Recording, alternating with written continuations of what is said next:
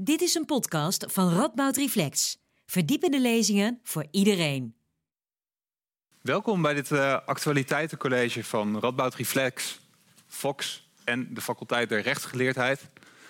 Mijn naam is Thierry Tempels, ik ben programmamaker bij Radboud Reflex en ik ben jullie gespreksleider vanmiddag.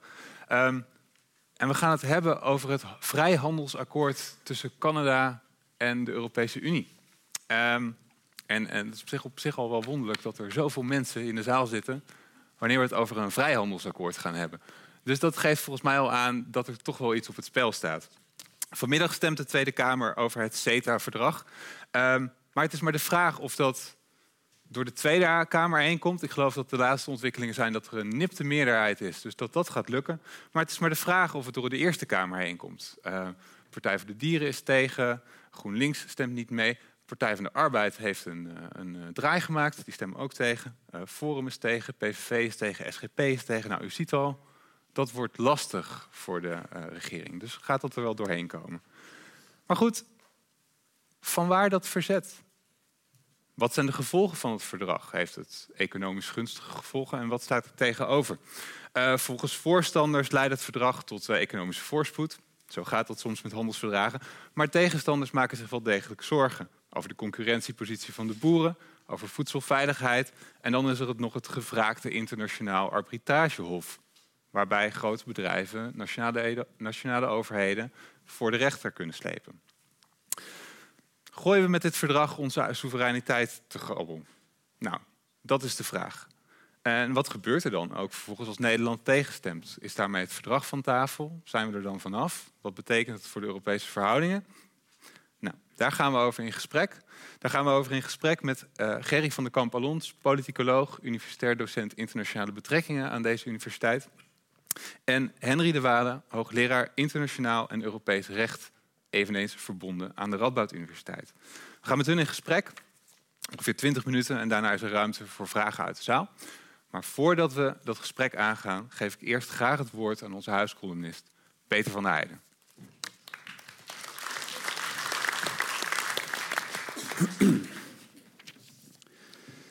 Eerlijk gezegd snap ik er nog maar verdomd weinig van. Ik ben opgegroeid in de tijd van het neoliberalisme. Vrijheid, blijheid, laissez-faire. Laat de markt zijn werk doen, want die doet dat veel effectiever en efficiënter dan wie of wat dan ook. De fameuze onzichtbare hand van Adam Smith. En dus, vrijhandel is top. Hoe minder belemmeringen, hoe beter, want dan kan iedereen zoveel mogelijk gebruik maken van de vrijheid die er is. En het spiegelbeeld, handelsbarrières zijn dus fout. Nou ja, je kunt ze gebruiken om een onwelgevallig regime aan te pakken, maar dan noemen we het gewoon een boycott. Zoals we graag deden tegen het apartheidsregime in Zuid-Afrika of we noemen het sancties, zoals tegen Rusland vanwege de aanslag op de MH17. Handelsbarrières voor een politiek doel dus, als strafexpeditie. Dat kan prima. Maar echte handelsbarrières leveren alleen maar ellende op. Hoeveel oorlogen zijn er niet gestart met en door beperking van de vrijhandel? En dan heb ik het niet over handelsoorlogen, maar over heuse fysieke oorlogen. Nou dan. Maar opeens is alles anders. Aangejaagd door het America First van Donald Trump blijkt vrijhandel helemaal niet meer het summum te zijn, maar vooral veel gedoe op te leveren. Oneerlijke concurrentie bijvoorbeeld, omdat de eisen die aan producten en diensten gesteld worden bij ons anders zijn, zwaarder zijn dan in andere landen, die wel hun producten kunnen slijten bij ons en dus onze economie leegvreten. Niet alleen lullig voor de producenten, maar ook voor de consumenten, omdat er ook nog eens volksgezondheidsaspecten aan zitten. Zoals bij de beruchte hormoonkip. En allerlei toestanden voor vakbonden en andere non-gouvernementele organisaties, die ook in allerlei uh, verschillende landen een verschillende status hebben. En we zouden autonomie kwijtraken door allerlei vrijhandelsverdragen met eigen arbitrageregels. De vrijheid in de vrijhandel levert dus een hoop gedoe op.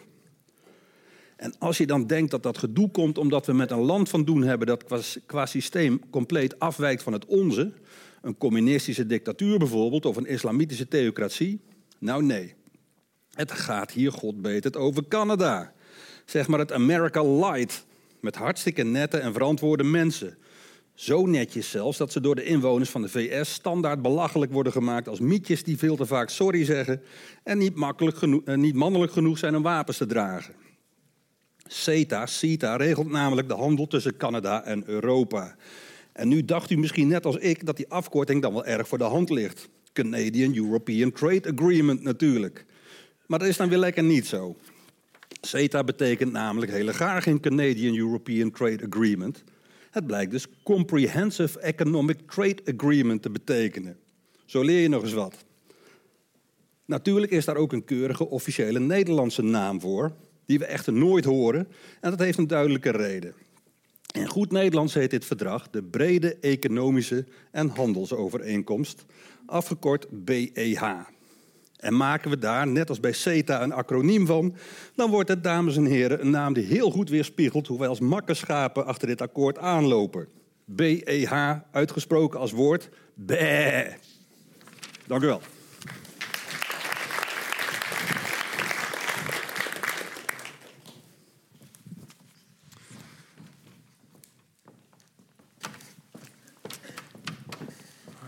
Ja, kom erbij, zou ik zeggen. Gerry, Henry. CETA. Hadden we TTIP gehad, mogen we door naar het volgende handelsakkoord. En, en, en Peter verwees er al even naar, maar misschien is het goed om gewoon te beginnen met de vraag... Ja, uh, oké, wat, wat, is dit verdrag nou precies? Wat behelst het? En dan kunnen we het hebben volgens mij over twee dingen. Aan de ene kant van, oké, wat, wat staat erin? En, en misschien meer de juridische vraag van, wat voor soort verdrag is het? Maar misschien moeten we beginnen met okay, wat, wat, wat, behelst het nu precies in politieke zin? Dus dan, ja, dan kom ik toch meteen bij jou terecht. Oké, nou, het is dus een handelsverdrag tussen de Europese Unie en Canada, die uitonderhandeld is door de Europese Commissie namens de lidstaten. En waar nu dan het uh, spel begonnen is van de goedkeuring. Mm -hmm. Of nou begonnen is, het Europees Parlement heeft al ingestemd, de Raad van Ministers heeft ingestemd, alleen nu de nationale parlementen nog op de onderdelen die, en dat kun jij waarschijnlijk beter uitleggen nog, uh, die gemengd zijn, omdat het competenties betreft van niet alleen uh, de Europese Commissie, maar ook de lidstaten. Um, dus het gaat over handel in goederen. Het gaat uh, over een deel van de handel in diensten, maar lang niet alle diensten. en het gaat over een investeringscomponent, heel kort door de bocht. Hmm. Ik denk dat je, dat je dan de hoofdpunten van het verdrag te pakken hebt. Ja, en je zei al van hey, het is een het is een gemengd verdrag. Het is een gemengd verdrag omdat het investeringsdeel, voor zover dat niet directe investeringen betreft, dus de indirecte investeringen, die vallen onder de competentie van de lidstaten. En daarom is uh, instemming van de Raad van Ministers, waar dus de lidstaten in zitten, en uh, van het Europees Parlement niet voldoende, maar moeten ook de nationale procedures gevolgd worden, waarbij het dus geldt dat in de meeste landen dan het nationaal parlement moet gaan instemmen. En, en Henry, zo'n zo'n gemengd verdrag, is, is, dat, is dat uniek of zien we het eigenlijk vaker? Het komt vaker voor. Uh, je hebt eigenlijk een hele generatie gehad al van dit type akkoorden die eigenlijk standaard al gemengd waren. En je ziet eigenlijk pas de laatste jaren dat er meer een beweging is met een voorkeur voor wat dan EU-only wordt genoemd. Dus dat eigenlijk dan ook de Europese Commissie het kan uitonderhandelen en dan met name de Raad van Ministers en het parlement samen ook er de laatste klap opgeven en niet meer de lidstaten nog weer afzonderlijk het moeten goedkeuren. Mm -hmm. Dus ook eigenlijk wel, ja, CETA hier kan nu al een soort van kritiekmoment zijn waarbij men ook merkt dat die gemengdheid echt iets van het verleden zou moeten zijn. En dat we liefst een nieuwe koers gaan varen waarbij ook je eigenlijk niet meer door lidstaten uh, te veel wordt opgehouden. Als je ook, wel onderwerpen weet dat je veel beter uniform effectief met 27 lidstaten juist het aan de EU kan laten. En dat ook op dat niveau eigenlijk al democratisch, rechtsstatelijk uh, de juiste waarborgen al gegarandeerd worden. Ja, dus dan zou je niet weer terug hoeven naar, naar die nationale overheden. Ja, die hele hindernisbaan eigenlijk inderdaad gewoon overslaan en uh, het puur beperken tot de procedure op Europees niveau. Ja. Okay. Wat in veel gevallen mm -hmm. natuurlijk in vroegere verdragen ook gewoon kon omdat het niet over gemengde onderwerpen ging. Ja. Zoals ja, het alleen over tarieven gaat en dergelijke. Precies, dan heb ja, dus met name dat wel ook nog altijd als je redelijk eenvoudige uh, akkoorden hebt. Ook uh, waar uh, het Verenigd Koninkrijk wellicht nu op koerst. het Verenigd Koninkrijk die misschien nog onder CETA wil gaan zitten. Omdat ze echt maximale vrijheid willen houden om op allerlei domeinen hun eigen afspraken te maken. Mm. Als die zo'n uitgekleed handelspakket zouden voorstellen aan de EU. Dat eigenlijk de EU ook kan zeggen van nou dit valt eigenlijk al van oudsher onder onze basale, laten we zeggen, EEG-bevoegdheden. Mm -hmm. Dan is het inderdaad ook automatisch eigenlijk EU-only. En pas als je veel meer andere dingen ook gaat opnemen... als je veel uitgebreider over staatssteun, uh, milieu, uh, landbouw, uh, aanbestedingen wil gaan spreken... dan kleed je het zo ver aan dat al gauw weer de lidstaten ook in beeld komen. En met name inderdaad als je zo'n investeringsluik toevoegt. Precies, oké. Okay. Dus dat onderscheid is helder. Ja, ik kon me er niet aan onttrekken toen, toen er in 2015 gedemonstreerd werd tegen TTIP. Toen stond CETA af en toe ook, verschenen af en toe op zo'n spandoek erbij. Um, nou, TTIP is, uh, hebben we gehad. Maar wat is nou... Is er, Is er nou, niet is, gekomen? is er niet gekomen en dat hebben we gehad, ja. Ehm, Maar is er nou nog een fundamenteel verschil tussen die twee verdragen? Afgezien dat het met een andere partner zou zijn? Dat, misschien zitten er soortgelijke, is het een soortgelijk verdrag? Of, Nou, de, de onderdelen ervan. eh, De bedoeling was dat er vergelijkbare thema's aan de orde zouden komen en in het verdrag zouden zitten. Ehm, dus in die zin zijn de thema's gelijk. Al is eh, dat Investor State Dispute Settlement is nu zo'n systeem geworden, waarbij een aantal van de zorgen van ja, EU-lidstaten, maar ook belangengroepen, gepoogd is die weg te nemen. Niet helemaal succesvol nog, maar ehm, dat was wel het idee. En ik denk dat het met de Verenigde Staten lastiger was geweest eh, om zo'n akkoord te bereiken dan nu met Canada Met Canada, ja. gedaan is. Maar verder heeft het eigenlijk vergelijkbare Ja, dat is onderdelen. eigenlijk de basis-economische uitgangspunten. Dus ook slechte van tariefmuren, het wederzijds openen van markten, eh, wederzijdse erkenning. En ook dat idee van een level playing field creëren. Wat dus ook voor de handel maximaal voordelig zou zijn. Ja. Het idee was dus ook eigenlijk dat we die stap al lang met de VS hadden kunnen eh, nemen. Maar in elk geval met Canada, gezien inderdaad de gelijkaardigheid Canada-Europa. Met Canada zou het in elk geval moeten lukken om ook zo'n level playing field te bereiken. Of dat inderdaad met de VS ook haalbaar zou zijn, hangt wel weer heel sterk af van bepaalde sectoren, ook in de industrie, eh, gedoe over ook eh, oorsprongsbenamingen. Eh, ook een apart eh Wat een oorsprongsbenaming is, misschien goed. Nou, je hebt het- geografische indicatoren. ja, je hebt dus bepaalde ook eh, ehm, typische eh, producten. eh, de, de parmaham, de feta kaas, de manchego, dat soort dingen. Waarbij ook er wereldwijd op zich ook wel een beetje gesjoemeld wordt... als het ware door producenten die ook die merken gebruiken... en ook die producten verkopen. Terwijl tegelijkertijd wel duidelijk is dat de oorsprong echt in Europa ligt. En de EU maakt zich ook dan sterk in de onderhandelingen... door ook te zeggen van nou, eh, als we verder zaken gaan doen... en jullie kunnen ook bepaalde voordelen ook ontlenen aan een akkoord met ons... dan eisen we wel dat qua oorsprongsbenamingen ook juist de Europese producenten hier... ook duidelijk het voortouw eh, hebben en ook hun auteursrecht... als het ware hier Ja. beschermd kunnen, kunnen weten. En in Dus het dat- CETA-verdrag zit dat. En bij TTIP zou dat een heel, heel groot punt van discussie zijn geweest. Want de VS is daar heel sterk op tegen. dus, dus de, om voor mijn beeld, dus de Griekse boeren, die zouden zich, of de, de Griekse Ja. feta-boeren, Ja. zouden zich geen zorgen hoeven maken over Canadees. Dus de Canadezen zouden dan geen feta. Eh, in op het de Europese markt nu, mogen brengen. eh, nou, op hun eigen markt ook op hun eigen markt. Nee, dus daar wordt het ook gewoon witte kaas. Tenzij bij een aantal kazen is afgesproken dat als bepaalde bedrijven die naam al gebruikten, Hmm. mogen ze dat blijven doen, maar er mogen geen nieuwe bedrijven komen die die naam gaan. Ja, de gebruiken. consequentie is dus ook dat je het dan Greek-style cheese zou mogen noemen. En Doen we hier ook witte kaas, kaasblokjes? Ja, witte kaasblokjes. Ik, ik Ja, koop ook de goedkopere variant. Er is binnen de EU al een hele strijd omdat nog altijd de Denen nog altijd niet volledig eh, compliant zijn op dit punt. Dus Griekse boeren zijn nog altijd redelijk gefrustreerd dat die feta nog altijd binnen de EU niet eigenlijk gewoon universeel alleen maar een Grieks product kan zijn. Nee. Dus, eh, Oké, ja. Maar oké, dus, dus nou goed, dat zou een voordeel kunnen zijn. Eh, Wat Ja. zijn andere, want ik zat even op de wat website van een- de Rijksoverheid te kijken. Nou, wat een belangrijk Ja. verschil is in zekere zin, is hoe politiek gevoelig het ligt. Dus zelfs al, staan er, ja, zelfs al staan er vergelijkbare thema's op. eh, toen TTIP ging spelen, werd iedereen wakker, leek het een beetje. Dus er waren al langer groepen die bijvoorbeeld tegen zo'n eh, ISDS-systeem Mhm. daartegen waren. Eh, maar toen de Verenigde Staten ook gingen onderhandelen met de EU, waren veel makkelijker binnen zowel Duitsland, maar ook Frankrijk meer groepen bij elkaar te krijgen. Daartegen ja, en kwam ook de maatschappij meer in oproer. Ja, En dat zie je omdat je dan opeens een grotere handelspartner hebt... waar je toch op productie- en standaardniveau meer verschillen nog mee hebt dan met Canada. Ja, je kreeg op dat moment ook zo'n beetje die juridische discussie ook van eigenlijk hoe willen we dit procedureel ook verder zetten. Ehm, je hebt eigenlijk eh, apart als zijstraatje op een gegeven moment de eh, eh, strijd gehad rondom het akkoord met Singapore. Waarbij ook de vraag was van nou kan dat puur een EU-akkoord zijn of heb je ook de lidstaten daarvoor nodig omdat er onder andere afspraken worden gemaakt over eh, aanbestedingen over en weer, eh, over regels in zaken transport, eh, regels in zaken milieu. Nou ja, toen is juridisch gezien op een gegeven moment duidelijk geworden door een arrest van het Hof van Justitie dat dat type akkoord voor het grootste deel EU-only kan zijn. En ja, dat maakt het wel lastiger om op een gegeven moment dan ook als rondom TTIP en CETA ook dan het debat speelt om ook als het ware mensen gerust te stellen dat ook iedereen nog de inspraak krijgt en parlementen zich ook zich er apart over mogen uitspreken. Omdat juridisch gezien eigenlijk al het kantelen was begonnen en wel duidelijker werd van nou, in principe heb je hier de lidstaten niet meer voor nodig. Maar men heeft toen wel apart met CETA er toch voor gekozen om alsnog de lidstaten erbij te betrekken. Terwijl het wellicht denkbaar was geweest dat men toch gezegd had... we houden dit op zich buiten het domein van de lidstaten. Maar mede vanwege ook die tip, wat eigenlijk nog meer discussie opleverde, was het een soort van zoenoffer. Om te zeggen van nou, laten we dan maar, zoals al is het juridisch misschien niet nodig, laten we toch maar de lidstaten ook nog weer een aparte zegen uh, hieraan geven. Ja. Niet wetende wellicht dat dat nou zo'n enorm risico opeens weer zou, uh, zou openen. Ja, dus, dus in zekere zin zou ik zeggen, oké, dus ze doen een soort democratische handreiking is gedaan vanuit, vanuit de Europese Unie. Ja, ik weet niet of je het democratisch moet noemen, want controle is er door het Europees Parlement sowieso ook. Mhm. Maar in elk geval een handreiking um, om ja, de wensen van bevolkingen hopelijk meer tegemoet te komen.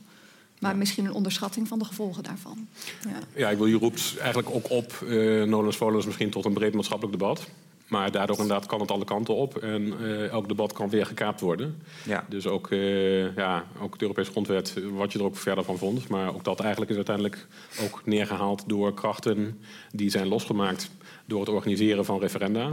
Terwijl men ook daar wel in eerste instantie dacht van nou, willen we een grondwettelijk verdrag, dan is het uiteindelijk beter ook voor de acceptatie door dan ook een aantal lidstaten die dat willen, juist ook te zorgen dat het publiek zich erover kan uitspreken. Ja. Dus, uh, en dan val je in je eigen zwaard uh, als uh, EU. dus qua legitimiteit is het goed. Ja. als je het akkoord er echt door wilt hebben, Mm -hmm. is het wat lastig. Dan wordt het lastig. Ja, ja dus maar gaat dat wel eens in legitimiteit een is natuurlijk heel mooi. Ja.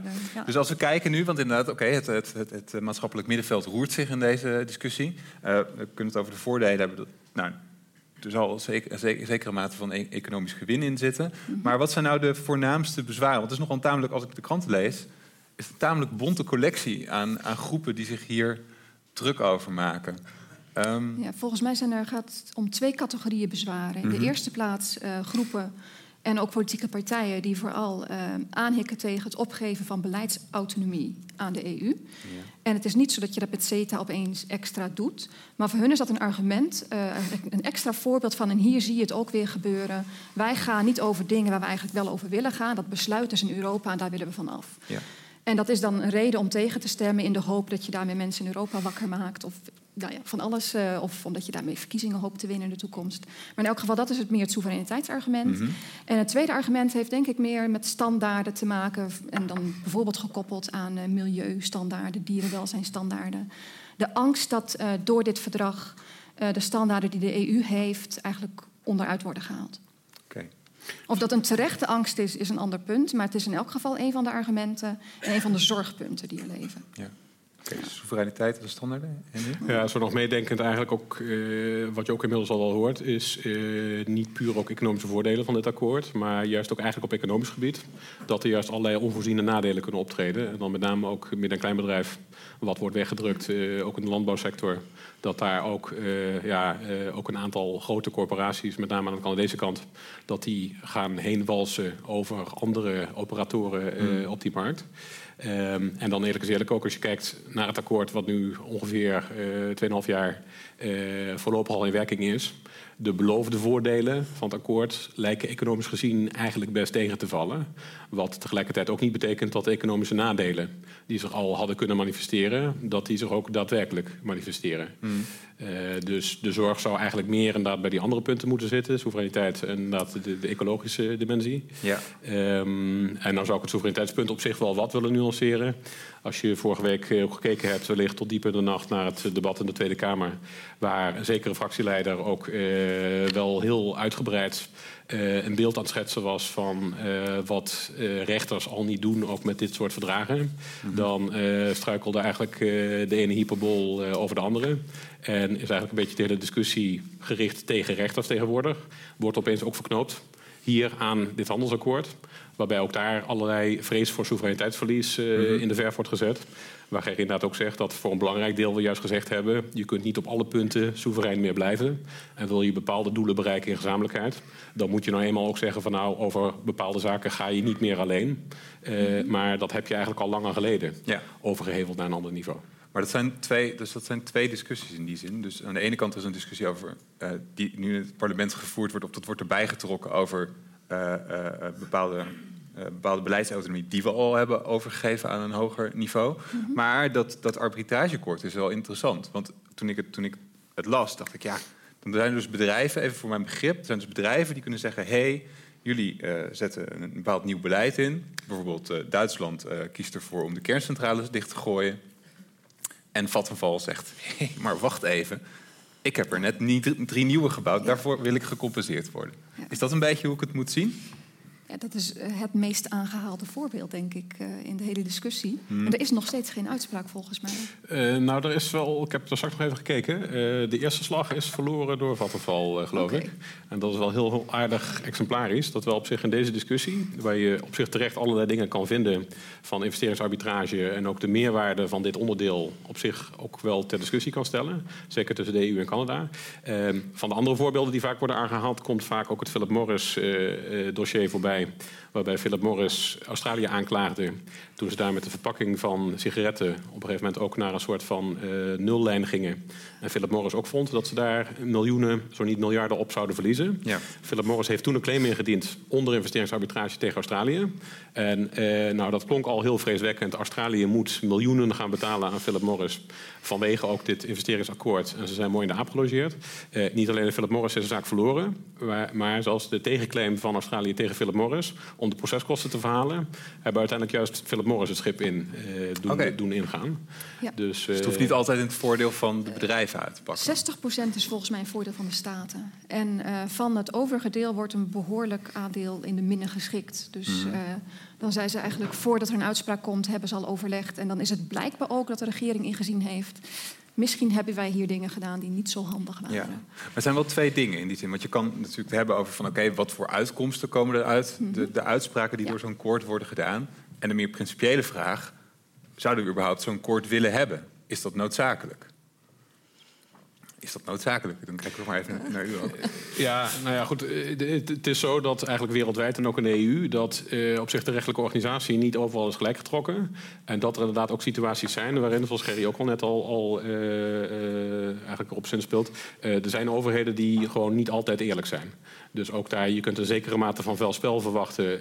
zelfs door lidstaten die op zich misschien op het oog redelijk beschaafd normaal omgaan met publieke en private partijen. Mm -hmm. Maar uh, met name in de sfeer van wat dan ook uh, onteigening wordt genoemd.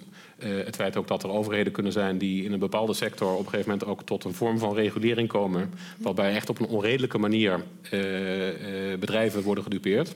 Ja, dat daar een vorm van compensatie nodig zou zijn. Dat is eigenlijk iets wat veel mensen, die op zich er niet zo heel veel van afweten, wat veel mensen op zich ook al zouden erkennen als ze zich een beetje inlezen in dat type dossiers. Maar de vraag is dan vaak, uh, kan dat via de binnenlandse systemen of heb je dan zo'n investment court nodig? Ja. En uh, kijk, als je...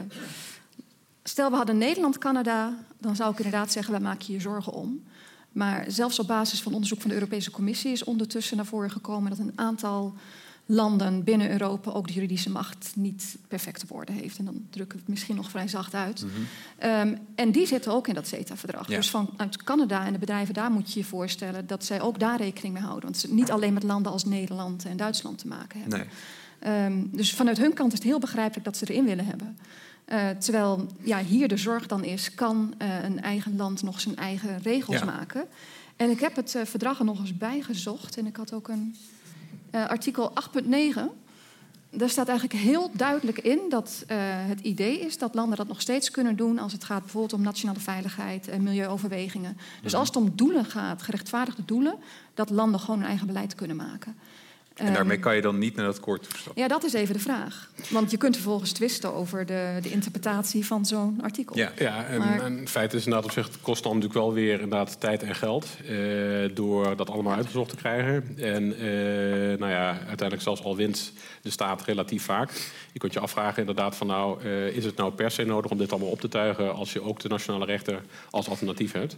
Maar feit is in elk geval wel dat de, eh, wat dan het right to regulate wordt genoemd, dus juist ook de overheidsdiscretie om bepaalde keuzes te maken. Ze hebben als het ware echt een stempel genomen met right to regulate en dat op meerdere plaatsen in het akkoord ook eh, neergezet. Dus in die zin hebben overheden eh, a priori niet per se veel te vrezen. Want veel van wat ze kunnen doen kan al eigenlijk al niet snel tot een eh, claim gaan leiden die echt ook het uiteindelijk haalt bij zo'n tribunaal.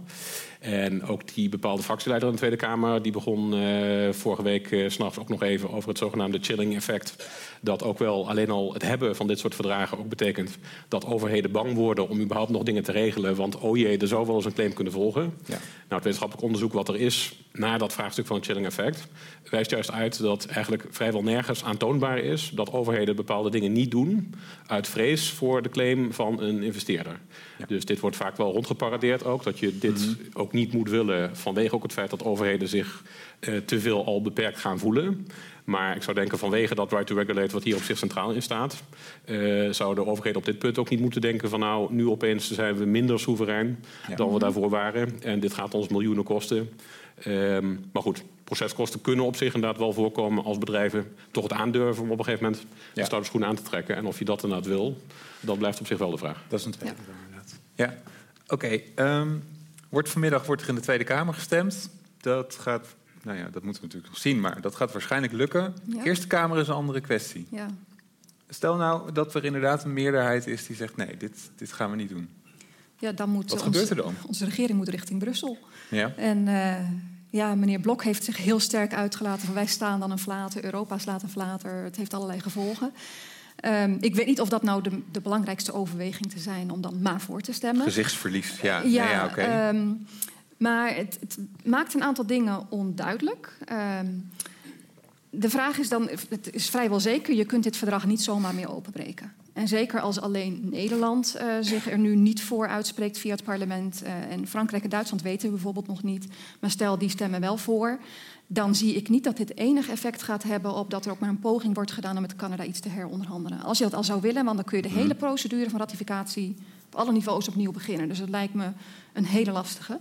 Uh, ik heb wel wat, en dat zou ik wel jouw mening over willen weten, wat procedures gelezen waarbij het dan zo zou kunnen zijn um, dat Nederland um, dus het verdrag voor het deel wat EU-competentie is, dat dat gewoon van kracht blijft. Maar dat dus dat investeringsdeel in Nederland niet gaat gelden. Dat, dat, dat er zo'n regeling mogelijk zou zijn, ook met instemming van Canada. Uh, en dat dat een uitkomst zou kunnen zijn als de enige staat blijkt die er problemen mee heeft. Ja. En dan kun je redeneren van, nou mooi, wij hebben dat deel niet. Ja. Het betekent natuurlijk ook voor onze bedrijven dat zij uh, geen uh, investment court hebben waar ze in Canada op terug kunnen vallen. En het betekent ook dat die regelingen die er voor investeringen zijn gemaakt mm. niet voor Nederland gelden. Nee. En dat dat weer ertoe kan leiden dat Nederland iets minder aantrekkelijk wordt voor Canadese investeerders. Ja. Hm. Het is een interessante gedachte ook als je weet ook dat op zich de procedure al eerder is opengebroken. Dus ook toen eigenlijk de eerste storm al losbarstte en mensen ook zeiden dat dat ISDS-systeem, eigenlijk de meest primitieve vorm van investeringsarbitrage, eh, daarvan zeiden mensen al van nou dat voldoet niet en we willen dat graag een beetje verder aankleden en bij de tijd brengen. Toen is op een gegeven moment al gezegd, terwijl men dacht klaar te zijn, uh, we gaan eigenlijk terug naar de tekentafel. En toen is men met dat investment court system gekomen, wat op zich al een stuk uh, degelijker en transparanter oogt. Dus als je daar nu opnieuw terug naar de tekentafel zou moeten gaan. Want dat zou wel juridisch noodzakelijk zijn om de boel weer te splitsen. Mm. Dat is nogal een operatie om ook echt dan te kijken van nou, wat zetten we precies in welk akkoord. En wat blijft gemengd en wat wordt EU-only. Ehm, plus ook het oneigenlijke uh, hieraan is dat uh, ja, 90% eh, van het akkoord valt eigenlijk al onder EU-bevoegdheden. Nederland heeft nou de mogelijkheid om het geheel uit het water te blazen, als het ware. Dus je dwingt wel ook iedereen in Brussel, alle lidstaten, om er ook weer naar te kijken. Mhm. En dan ook te zeggen van nou, uh, ja, we moeten eigenlijk het investeringsdeel moeten we eruit halen. Maar je bent tegelijkertijd ook eigenlijk dan een lidstaat tegemoet aan het komen uh, die nee zegt tegen een heel verdrag, wat al bijna drie jaar voorlopig in werking is, op basis van bezwaren tegen 10% van dat verdrag. Op het moment dat je dat ook gaat doen, heb je kans dat wel veel meer dingen opeens weer vloeibaar worden. Mhm. En voordat je dan weer met 27 lidstaten het eens bent over dat pakket. elk land zijn eigen wensenlijstje. Ja. ja. Dus, en ik voorzie op zich een scenario waarbij men wel zegt van nou, op zich Nederland is tegen. We gaan proberen een oplossing te vinden. Die gaat alleen wel een stuk moeilijker worden dan het Oekraïne-dossier. Want bij het Oekraïne-dossier had je het negatieve referendum, maar op zich het parlement was voor. Oh ja. Als Nederland het parlement ook tegen is, ja, dan zit de boel hier op zich ratificatietechnisch op slot. Mhm. Maar ja, dat akkoord is voorlopig van toepassing. En je bent niet verplicht als EU om dat ongedaan te maken. Het zou wel op zich logisch zijn. Maar als je die voorlopige toepassing ongedaan wil maken, daarvoor heb je formeel juridisch weer unanimiteit nodig. En dan heb je eigenlijk gek genoeg maar één lidstaat nodig die zegt van nou, ik vind eigenlijk die voorlopige toepassing wel prima. En dan kan Nederland hoog of laag springen, maar dan blijven we nog altijd met CETA doorgaan. Ja. Totdat een keer unaniem men zegt, we moeten heel CETA weer terug in de kast ja. uh, stoppen. Maar het investeringsdeel wordt dan niet dat, ja, nee, precies. Dat blijft, dat blijft van zweven. Dus daar zou je dan weer eventueel een apart verdrag van kunnen proberen te maken. Maar, uh, ja. maar de rest is kans groot dat het gewoon gehandhaafd blijft. En, en is ook door alle organen die daadwerkelijk over die punten gaan ingestemd. Ja, maar zodra wel, ook wat Gerry ook zegt, omdat Frankrijk en Duitsland, net als met de Europese grondwet, dat zijn uiteraard belangrijke spelers. Maar zodra wel een aantal andere lidstaten ook, ook dwars zou gaan liggen, en dat kunnen zelfs ook wat kleinere staten ook zijn, zodra Mhm. Nederland niet meer alleen staat, eh, ja, dan, het een dan komt er ook een donderwolk te hangen boven CETA als geheel, inclusief de voorlopige toepassing daarvan. En dan kan iedereen zich toch wel moreel maatschappelijk verplicht voelen om toch mee te werken aan eerst dit weer helemaal van tafel halen. En dan maar kijken of je überhaupt nog met Canada iets Dan anders hopen dat wil. Canada nog mee wil werken. ja, Of, of je nog hebt willen gewoon dan. geen, geen akkoord meer. Ja.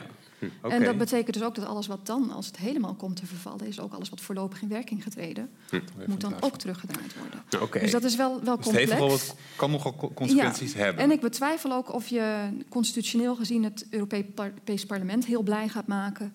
Want die hebben natuurlijk democratische controle uitgeoefend. En ja, ja. die zullen ook zoiets hebben van over dat deel van het verdrag, dat hebben we al mee ingestemd. En wat zijn jullie om te zeggen dat dat niet oké is? Omgekeerde kant ook waar we het ook al eerder eh, met elkaar over hadden. eh, de procedure is wat die is. En die legt ook de bal op de stip, ook voor het Nederlands parlement, om eventueel nee te zeggen. En parlementen van alle andere lidstaten. Dus je kunt dan ook hoog of laag springen als Europese Unie. Maar goed, eh, als je rechtsstatelijkheid eh, belangrijk vindt, dan moet je dit verder correct afhandelen. En ja, hoe eh, vreemd het ook is om na drie jaar opeens een heel akkoord weer eh, teniet te moeten doen. Op basis van bezwaren tegen maar een deel daarvan. eh, dan nog, dit is de procedure. Dus je moet daar gewoon maar je bij neerleggen eh, uiteindelijk. En wat er ook uitkomt, ik denk dat eh, de Europese Unie zich echt moet bezinnen op op wat voor manier willen wij dit soort verdragen aangaan. En Ja. moet het niet helderder zijn per onderdeel van dit is EU-bevoegdheid en we doen een apart verdrag over het deel wat niet EU-bevoegdheid is. Hoe gaan we daar in de toekomst mee om? Ja, Ja. Dan, dan voorkom je dit Ja. soort kwesties met zulke grote gevolgen. En dat is op zich al een les die al et cetera getrokken wordt. Omdat ook al met een aantal landen, met name ook in Zuidoost-Azië, al gekozen is voor het uit elkaar trekken van die twee onderdelen. Ehm, maar wel weer qua maatschappelijk draagvlak. Ja, het betekent dus wel weer dat je handelsakkoorden krijgt die dus in samenspel tussen commissie, raad en parlement kunnen worden afgetikt.